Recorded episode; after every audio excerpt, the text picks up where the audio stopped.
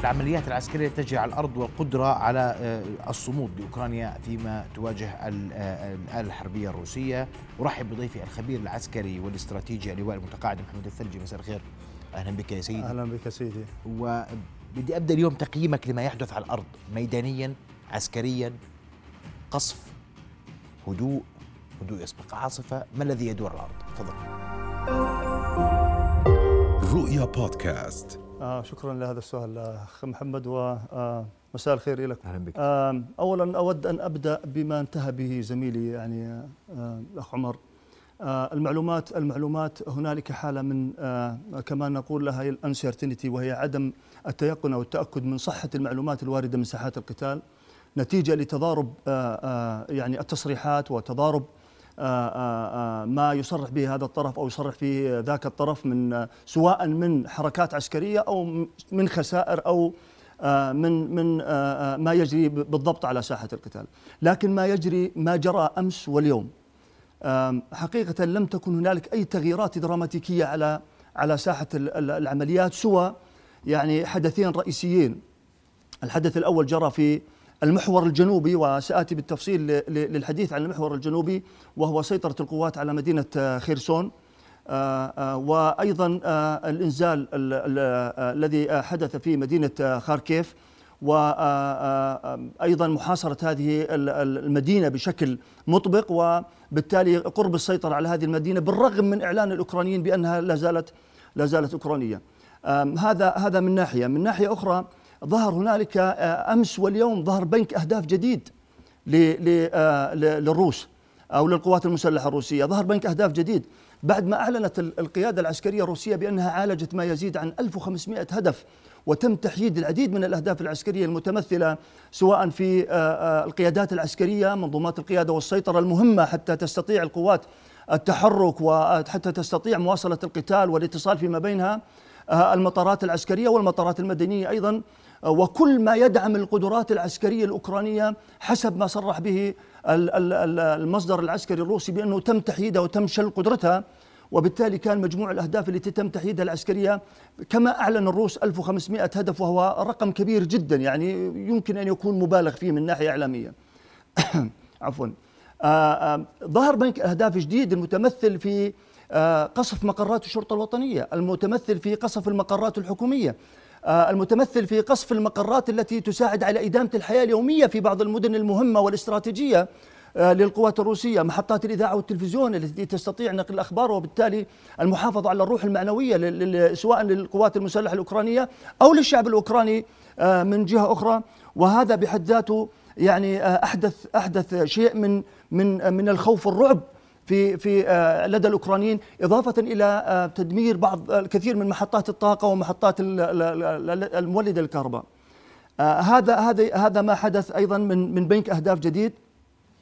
آه، ظهرت مشكلات لوجستية وهنا يمكن أن أختلف يعني مع ما تم ذكره سابقا لأنه معظم التقارير ويعني أوردت بانه القوات الروسية توقفت في بعض المحاور آه، انتظارا للإمدادات اللوجستية إذا ما أخذنا بعين الاعتبار وهذه نتيجة طبيعية القوات الأمريكية واجهت هذه المشكلة أثناء دخولها إلى العراق وانتظرت يومين وثلاثه واربعه وخمسة أيام حتى تم إمدادها بالوقود وبالذخيرة وهذا يعني آه، احدى إحدى الصعوبات التي قد تواجه آه، ما يسمى بالعمليات ال- ال- الحربية بالعمليات السيارة. تحتاج إلى نقل إمدادات لوجستية ضخمة حتى تحاول مساعدة القوات على على على إدامة التقدم وإدامة زخم الهجوم. وهذا قد يحدث أحيانا انقطاعا لهذه الإمدادات نتيجة التهديد ونتيجة انقطاعها ونتيجة ضرب خطوط الأمداد. فيعني يتوقع أن الأوكرانيين أيضا ضربوا خطوط الأمداد وهددوا خطوط الأمداد إما بواسطة آه، آه، آه، آه، غارات أو بواسطة آه، تحركات عسكرية ساهمت في قطع خطوط الأمداد. فهذا احتمال أن أن أن يكون قد حدث. إضافة إلى أنه من ناحية سياسية ظهرت مطالبات روسية جديدة تمثلت في ما ذكروا آه، آه، ما ذكروا آه، وزير الخارجية في آه، خطابه أمس بأنه آه، يريد يعني آه، أيضا إزالة المنشآت العسكرية التي آه، تم بنائها في في آه، في آه، دول الاتحاد آه، السوفيتي السابقة. وهذا مطلب مطلب يعني آه، يعتبر كمطلب جديد إضافة إلى المزيد من العقوبات الاقتصادية والعقوبات الفنية والعقوبات الرياضية التي تلت. وهذا الحجم من العقوبات أظن سيكون له تبعات يعني آه، كثيرة وكبيرة جدا فيما آه، س- في, في الأيام القادمة. وأيضا ما ظهر خلال اليومين الماضيين هو المزيد من وعودات الدعم والمساعدات العسكرية والمساعدات المالية وأيضا الدعم الإعلامي والدعم السياسي المقدم للأوكرانيين. وهذا يزيد من الضغوطات السياسية والضغوطات العسكرية على آه، على على بوتين محاولا الآن إنهاء العملية العسكرية وتحقيق الأهداف السياسية بأقل ما يمكن من الجهد العسكري. وهذا هدف رئيسي ومهم جدا في في في العملية التي تشن لم الآن. تطل العمليات العسكرية ست أيام سبع أيام؟ يا سيدي يا سيدي آه، إحنا آه، لنا عبرة في التاريخ ويعني آه، إذا قرأت التاريخ آه، العمليات آه، هذا يعني هجوم دولة على دولة. فلك أن تأخذ مساحة أوكرانيا يعني دولة يزيد آه، تزيد مساحتها عن نصف مليون كيلو متر مربع يعني مساحتها بالضبط 603254 كيلو متر مربع بلد مترامية الأطراف. يعني ليست بالسهلة. ونحن الآن في فصل الشتاء وهذا ما قد يساعد القوات الروسية على الحركة. يعني بعكس يعني ما ما يجري في في في منطقتنا هنا. أيام الشتاء هي تعتبر أيام آه، طقس آه، يعني محدود وتصعب فيه العمليات. لكن هم اختاروا هذا التوقيت حتى تستطيع الآليات العسكرية المسير على على التربة المتجمدة وبالتالي آه، يعني لن تكون هنالك صعوبة في في الحركة. هذا هذا من ناحية. من ناحية أخرى سيدي ما يجري الآن أو ما جرى الآن آه، خلال السبع أيام الماضية.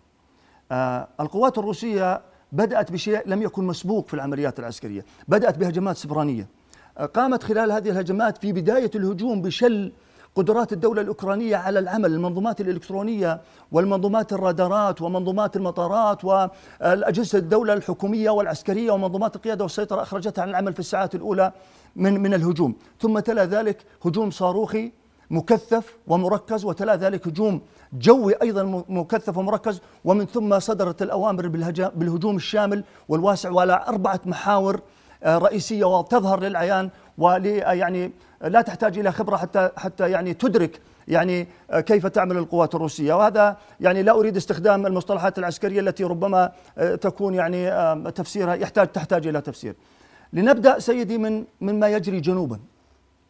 آه، القوات الروسية حشدت قوات في شبه جزيرة القرم نعم. وهذا بعد تعرف أن شبه جزيرة القرم ضمت إلى الاتحاد الروسي عام 2014 وهذه القوات هي على ثلاثة أنواع قوات برية وقوات بحرية وقوات جوية آه آه آه القوات هذه تحركت حال بدء الهجوم وانطلقت شمالا انطلاقها إلى الشمال كان يهدف الحركة في ثلاثة اتجاهات رئيسية.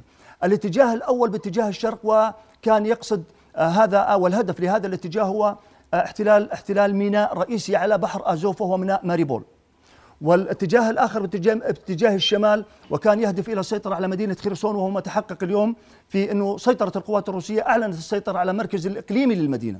ومن ثم التوجه غربا باتجاه أوديسا وهي أوديسا مدينة مهمة جدا وهي الميناء الرئيسي الأوكراني على على على البحر الأسود وهنا أيضا ساعدت القوات البحرية بالقيام بعمليات إبرار وعمليات إنزال على السواحل على السواحل ال- ال- البحر الأسود والتحمت واقتحمت هذه هذه المدينة ولا زالت على أطرافها لم تحتل هذه المدينة لا زالت لغاية الآن تحت السيطرة الأوكرانية ولكن يدور قتال عنيف في محيط هذه المدينة وما حولها. نعم.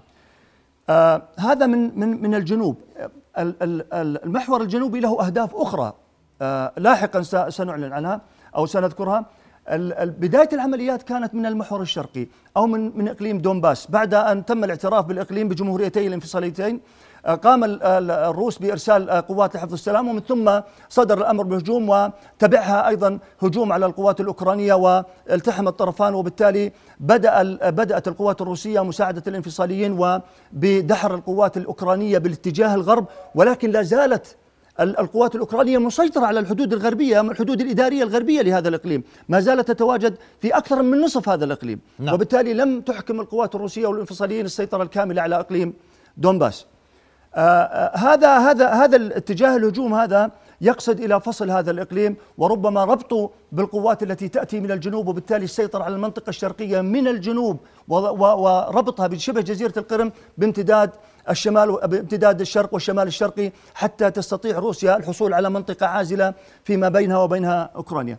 المحور الشمالي الشرقي وهو باتجاه مدينة خاركيف وحققت القوات الروسية تقدم في هذا المجال هي تحاصر خاركيف قامت بعمليات إنزال فيها ولا يزال القتال دائرا في هذه المدينة المحور الرئيسي سيدي هو القوات التي انطلقت من بيلاروسيا باتجاه الجنوب واستطاعت أنها تسيطر على مدينة تشيرنوبل وغومستيل والآن هي في المحيط القريب جدا لمدينة كييف. و التطورات الهائلة التي تجري على الموقف الآن هي الحشودات التي أو الأرتال العسكرية التي آه، تسير على الطرقات الآن. والرتل الأكبر هو الرتل الذي يسير من الشمال باتجاه الجنوب باتجاه كييف يمتد هذا الرتل لمسافة 60 ميل ما يقارب 90 كيلومتر. ولك أن تتخيل سيدي يعني حجم الرتل الذي يغطي مسافة 90 كيلومتر. أه، برأيك المدة الحاسمة قديش؟ أتوقع أنه ثلاث أيام القادمة ستكون حاسمة جدا لمصير العمليات العسكرية. فيما إذا استطاعت هذه الحشود أن تصل إلى مواقعها وأن تعزز القوات الموجودة أصلا في محيط مدينة كييف في خاركيف أيضا وفي المدن في الجنوب سواء كان ماريبول أو خيرسون أو أو أوديسا. وأيضا إذا ما وصلت تعزيزات كبيرة وقوية جدا وبأعداد وبأرقام تستطيع خلالها الانفصاليين والقوات الروسية من متابعة المسير شرقا وبالتالي قد يتحقق يعني الهدف الروسي. الهدف الروسي. ثلاث أيام. هذا وارد. هذا مجرد توقع ويعتمد أوه. على عوامل عديدة. يعني أوه. لا نستطيع الجزم فيه ولكن هو مجرد جميل. توقع. بدي أشكرك كل الشكر للخبير العسكري والاستراتيجي اللي هو المتقاعد محمد الثلجي. شرفت بحضورك شكرا جزيلا رؤيا بودكاست.